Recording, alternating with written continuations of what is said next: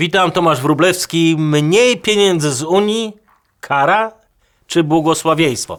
Dziś kilka słów o rozszarpywaniu brukselskiego tortu, tortu z gorzkim nadzieniem w środku. Zapraszam na Wolność w remoncie.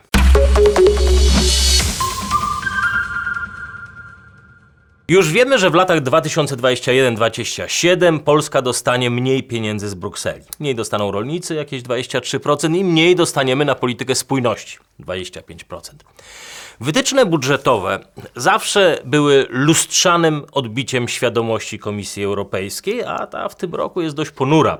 Zamiast podniosłych i paternalistycznych haseł o niesieniu pomocy i cywilizacji na wschód, Komisja musi teraz ratować Zachód przed populistami, eurosceptykami, nacjonalistami, komunistami, a nade wszystko musi płacić Włochom, Austriakom, Hiszpanom, Francuzom, byle ci nie zdezerterowali z Unii.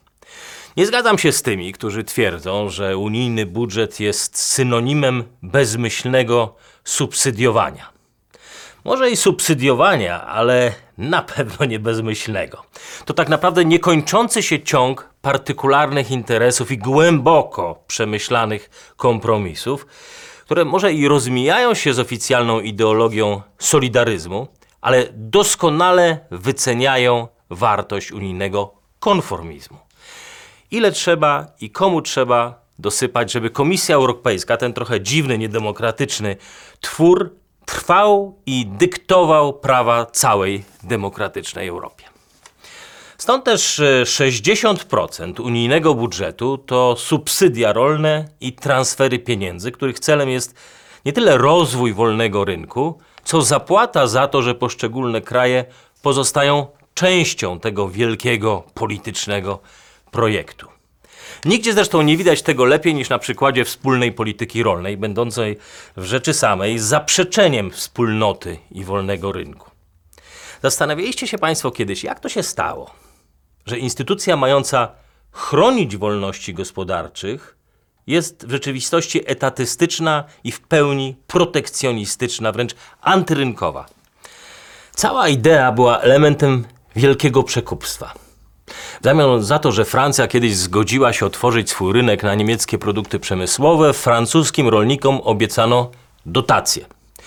Żeby z kolei ugłaskać Wielką Brytanię, a zwłaszcza Margaret Thatcher, dla której socjalistyczny koncept zapomógł był pomysłem z piekła rodem, Londyn dostał specjalne rabaty. Rabaty, czyli mniej płacił do wspólnego budżetu. Żeby inne kraje nie czuły się poszkodowane, oszukane brytyjskimi rabatami, za nimi poszły kolejne rabaty i kolejne subsydia dla kolejnych państw. Co ciekawe, 80% pomocy dla rolników wspiera 20% najbogatszych gospodarstw w Europie, nie najbiedniejszych, najbogatszych. Gospodarstw, a właściwie powinienem powiedzieć latyfundiów, bo wśród największych beneficjentów Unii Europejskiej znajduje się na przykład Królowa Brytyjska z milionami dotacji. Tam są wielkie gospodarstwa rolne czy latyfundia francuskiej, hiszpańskiej, niemieckiej arystokracji i giganty, korporacje żywnościowe jak Campina czy Nestle. Na szczycie tej piramidy, piramidy dotacji dopłat znajdują się oczywiście Niemcy. Jedyny kraj, któremu nie przysługują rabaty. Z Excela wynika, że Niemcy praktycznie płacą wszystkim i za wszystko. Ale na koniec jakoś tak się dzieje, że i tak zarabiają najwięcej. Proceder kiedyś fantastycznie podsumował były minister e, finansów Niemiec Wolfgang Schäuble, e, pytany przez swoich parlamentarzystów, jak długo Niemcy jeszcze będą dopłacali do maruderów Europy. Odpowiedział: Pomoc unijna to nasza najlepsza inwestycja. Im więcej Niemcy wydają na wspomaganie słabszych, tym więcej z tych państw wraca pieniędzy do nas. Jakim cudem? Ano takim, że pieniądze idą na wspieranie określonych zachowań rynkowych, na przykład wspieranie energii odnawialnej napędzanej niemiecką technologią, albo tworzenie stref handlowych dla niemieckich czy francuskich firm, edukację zawodową w rejonach o najniższym bezrobociu, gdzie potem powstają fabryki samochodów. Cudownie, że te wszystkie miejsca pracy powstają. Inna sprawa, że z korzyścią dla ofiarodawcy. Czasem jest to proste przełożenie, tak jak w przypadku zakładania nowych fabryk czy miejsc pracy, A czasem subsydia idą na kupowanie sobie wpływów i przychylności lokalnych czy unijnych urzędników. Kilka moich ulubionych projektów e, unijnych zachęt, tak to nazwijmy. 5,5 miliarda euro kosztowały tyle helikoptery patrolowe w Hiszpanii, wykorzystywane głównie do, dziś do dowożenia hiszpańskich oficjeli do pracy, oczywiście w godzinach szczytu, nad głowami wszystkich Hiszpanów, którzy czekają w korkach. Albo bl- blokujący osioł. Aby pomóc integracji narodów europejskich, prawdziwy osioł podróżował po Europie, blogując o swoich doświadczeniach. Projekt kosztował 6,5 miliona euro. Czy wiecie Państwo, że 10 tysięcy brukselskich biurokratów zarabia więcej niż średnia pensja, pensja 28 europejskich premierów? Wynagrodzenie czy zachęta? Sam e, proces planowania unijnego budżetu ekonomiści nazywają dylematem więźniów. Chodzi o to, że więźniowie zwykle donoszą na siebie nawzajem, mimo że gdyby każdy, każdy z nich za wszystko wziął winę na siebie, to sąd nie miałby jak wydać wyroku. Zachowują się w zasadzie nieracjonalnie, ale tak się zachowują, dlatego że w ten sposób wymyślono system. Gdyby, i teraz przechodzimy do Unii Europejskiej, gdyby wszystkie europejskie państwa razem, solidarnie składały się tylko na projekty, które muszą sfinansować wspólnie, a wszystko, całą resztę, ich wewnętrzne inwestycje finansowały z własnych pieniędzy, to wszystko byłoby tak samo, z jednym wyjątkiem. Bruksela i jej budżet byłby nikomu do niczego niepotrzebny. Ale system właśnie tak został zaplanowany, żeby państwa między sobą mogły rywalizować o przychylność brukselskich urzędników, a nie współpracowały bezpośrednio jeden z drugim. Efektem ubocznym tej dziwnej formuły budżetu, trochę jak w więzieniu, są rosnące narodowe animozje. Niemieckie media potępiają Włochów, że są leniwymi rozrzutnikami. Grecy zarzucają Niemcom, że używają euro, by osiągnąć to, na co nie mogli się zdobyć nawet hitlerowcy. Francuzi lżą Polaków w przekonaniu, że niszczymy ich rynek pracy. Bry Brytyjczycy uważają, że nadużywamy ich systemu opieki socjalnej, a my, Polacy, ze swoją urażoną dumą czujemy się jak obywatele gorszej kategorii. Czyli budżet, który miał wzmacniać solidarność i spójność Europy, stał się siłą rozsadzającą system od środka tylko po to, żeby podnieść znaczenie urzędników w Brukseli. Komisja Europejska stworzyła oczywiście za nasze pieniądze całą machinę zagłuszania wątpliwości i utwierdzania nas w przekonaniu, że ten system ma jednak sens. I dlatego na każdym kroku bombardowani jesteśmy przez rozmaite instytucje badawcze, fundacje, think tanki informacjami na temat, jaka dobra jest Unia. Wszystkie te instytucje z obywatelskością, wolnością i demokracją w przydomku. Nieważne, czy bronią praw kobiet, pracowników, NGO-sów, rzemieślników, wszystkie używają podobnego słownictwa i podpierają się nic nie mówiącymi oksymoronami zainteresowanych stron – solidarnego rozwoju, budowania zdolności, praw podstawowych, systemowej różnorodności, ducha praworządności, aktywnego obywatelstwa, synergii celów. Wszystkie wybrane, finansowane i ręcznie sterowane przez Komisję Europejską po to, żeby lobbowały za ściślejszą integracją i broniły unijnych instytucji. Organizacje kwestionujące autorytet Komisji Europejskiej, demokratyczny mandat urzędników czy politykę klimatyczną nie mogą liczyć na wsparcie z budżetu. Ba, nie dostają nawet zwrotu kosztów podróży na konferencje teoretycznie mające skupiać organizacje reprezentujące wszystkie nurty społeczne.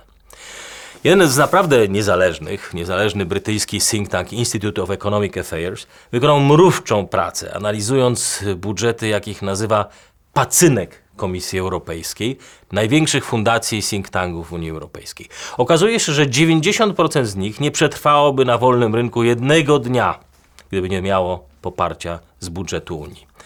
Często nazywają się niezależnymi, zapewniają, że nie biorą pieniędzy z Komisji Europejskiej, ale szczegółowa analiza przepływu pieniędzy nie została wątpliwości, My tutaj mówimy o budżetach dla organizacji feministycznych, czy obywateli dla Europy, y, albo Green 10 walczące o unijne priorytety klimatyczne, sięgające 20-30 milionów euro. Tędy czy owędy zawsze te pieniądze w jakiś sposób przepływają z Komisji Europejskiej.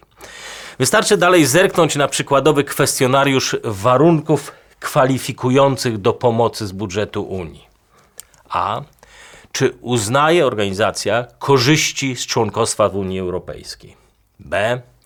Czy uważam, że instytucje Unii Europejskiej działają dobrze? C. Czy Komisja Europejska ma demokratyczny mandat? Czy podmiot uważa, że opinia publiczna chciałaby zwiększenia wpływów Komisji Europejskiej w swoim kraju? Spróbujcie odpowiedzieć nie. Komisja Europejska uzasadnia oczywiście swoje wydatki na organizacje pozarządowe potrzebą poszerzenia głosu niezależnych grup i środowisk. W rzeczywistości zatrudnia armię lobbystów i potakiwaczy. Rozrzuceni po całym kontynencie w rozmaitych organizacjach tworzą wrażenie dyskursu społecznego. Dyskursu, którego nie ma. Nie ma tego dyskursu. Wybory za wyborami, z każdym kolejnym dowodem rosnącego sceptycyzmu, z każdą nową falą, falą żądań o więcej przejrzystości i demokracji, demokracji w unijnych strukturach, odzywają się jakieś właśnie pacynki, niezależne instytucje, które oskarżają kolejne narody o populizm. Brytyjczycy ponoć mieli jakąś pomroczność, kiedy decydowali się na Brexit. Niemcy, ci co okaleczyli w wyborach Angelę Merkel, ulegli demagogii neofaszystów. Wybór twardej prawicowej koalicji w Austrii był najgorszą decyzją, jaką Austriacy mogli podjąć od czasu, kiedy poparli Hitlera. Węgrzy zostali ogłupieni przez fejkowego Orbana. Francuzi Francuzi, to było ciekawe. Pamiętacie Państwo, początkowo y, Macron ponoć szedł na lep populizmu, ale kiedy okazało się, że chce jednak jednoczyć bardziej i szybciej Unię, okrzyczany został nadzieją demokracji. Polacy, jeżeli powtórzymy swój wybór, będziemy musieli zapłacić utratą pomocy unijnej. Włosi, to najświeższy przykład, w dzień po wyborach usłyszeli od komisarza Ottingera, że rynki im jeszcze za to podziękują. Podziękują za un- antyunijnego ministra finansów. Kiedy okazało się, że Rzym jednak zaproponuje innego ministra, ulegnie, Ottinger natychmiast zapowiedział fundusz ratunkowy dla krajów strefy euro. Marchewka 35 miliardów euro. Kij marchewka, wieczna polityka Unii. Spójrzcie na Słowację, mówił Ottinger. Na Słowację, na Polskę i kraje nadbałtyckie. Będą otrzymywać teraz mniej pieniędzy, ponieważ stały się bardziej konkurencyjne. To on do nas mówi. A mówi, że kraje, które jak Włochy popadły w kryzys, bo Bruksela dogmatycznie trzymała się swojej eurowaluty, zostaną teraz przekupione, żeby jednak zostały w strefie, a kraje, które sobie radzą, a są biedniejsze, dostaną mniej, bo zawsze mogą stracić jeszcze więcej, niech się boją. Czy ta gra warta jest świeczki? Wolny rynek, który był siłą rozkwitu Unii, dał Polsce niepowtarzalną szansę rozwoju. Okazuje się być dziś raczej przykrywką coraz bardziej centralistycznych, niedemokratycznych i socjalistyczno-makiawelistycznych zapędów Komisji Europejskiej. Przyjrzyjcie się, jak pracują unijne pieniądze. Nawet w Polsce.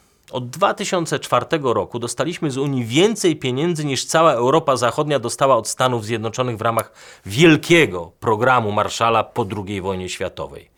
Przeliczając to na dzisiejsze dolary, to dostaliśmy 125 miliardów, a niegdyś Europa dostała 110 miliardów dolarów. Cała zachodnia Europa. Pieniądze w Polsce szły na poprawę infrastruktury, oczywiście, ale też szły na subsydiowanie jałowych pól, żeby rolnicy ich nie uprawiali, szły na nieistniejące szkolenia czy akwaparki.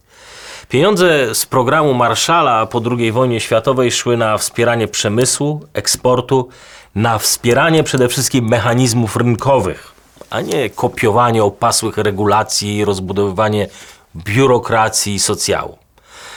Polska, choć o niebo, o niebo bogatsza niż w 2004 roku, Pozostaje w tyle, jeżeli chodzi o konkurencyjność naszego prawa podatkowego, przejrzystość systemu, biurokracji, funkcjonowanie rynku pracy. Jesteśmy ważnym ogniwem w łańcuchu dostaw dla zachodnioeuropejskiego przemysłu, ale wciąż mało atrakcyjni, jeżeli chodzi o własne innowacje. Nasz rynek pracy jest tak naprawdę w 60% uzależniony od zachodniego kapitału, a pieniądze z Unii nie tylko y, zapewniają rozwój, ale też konserwują najrozmaitsze patologie, na przykład na wsi. I Jak grzesznie by to dziś nie brzmiało, to im szybciej uniezależnimy się od unijnych pieniędzy, tym większa nadzieja, że nie wpadniemy w pułapkę, w której tkwi dziś niemal całe południe Europy. Także kto wie, czy to powolne przykręcanie kurka z unijną pomocą na koniec nie wyjdzie nam jeszcze na dobre. Zapraszam na kolejny odcinek Wolności w Remoncie e, na kanale YouTube Warsaw Enterprise Institute, a wersja audio w podcastach iTunes.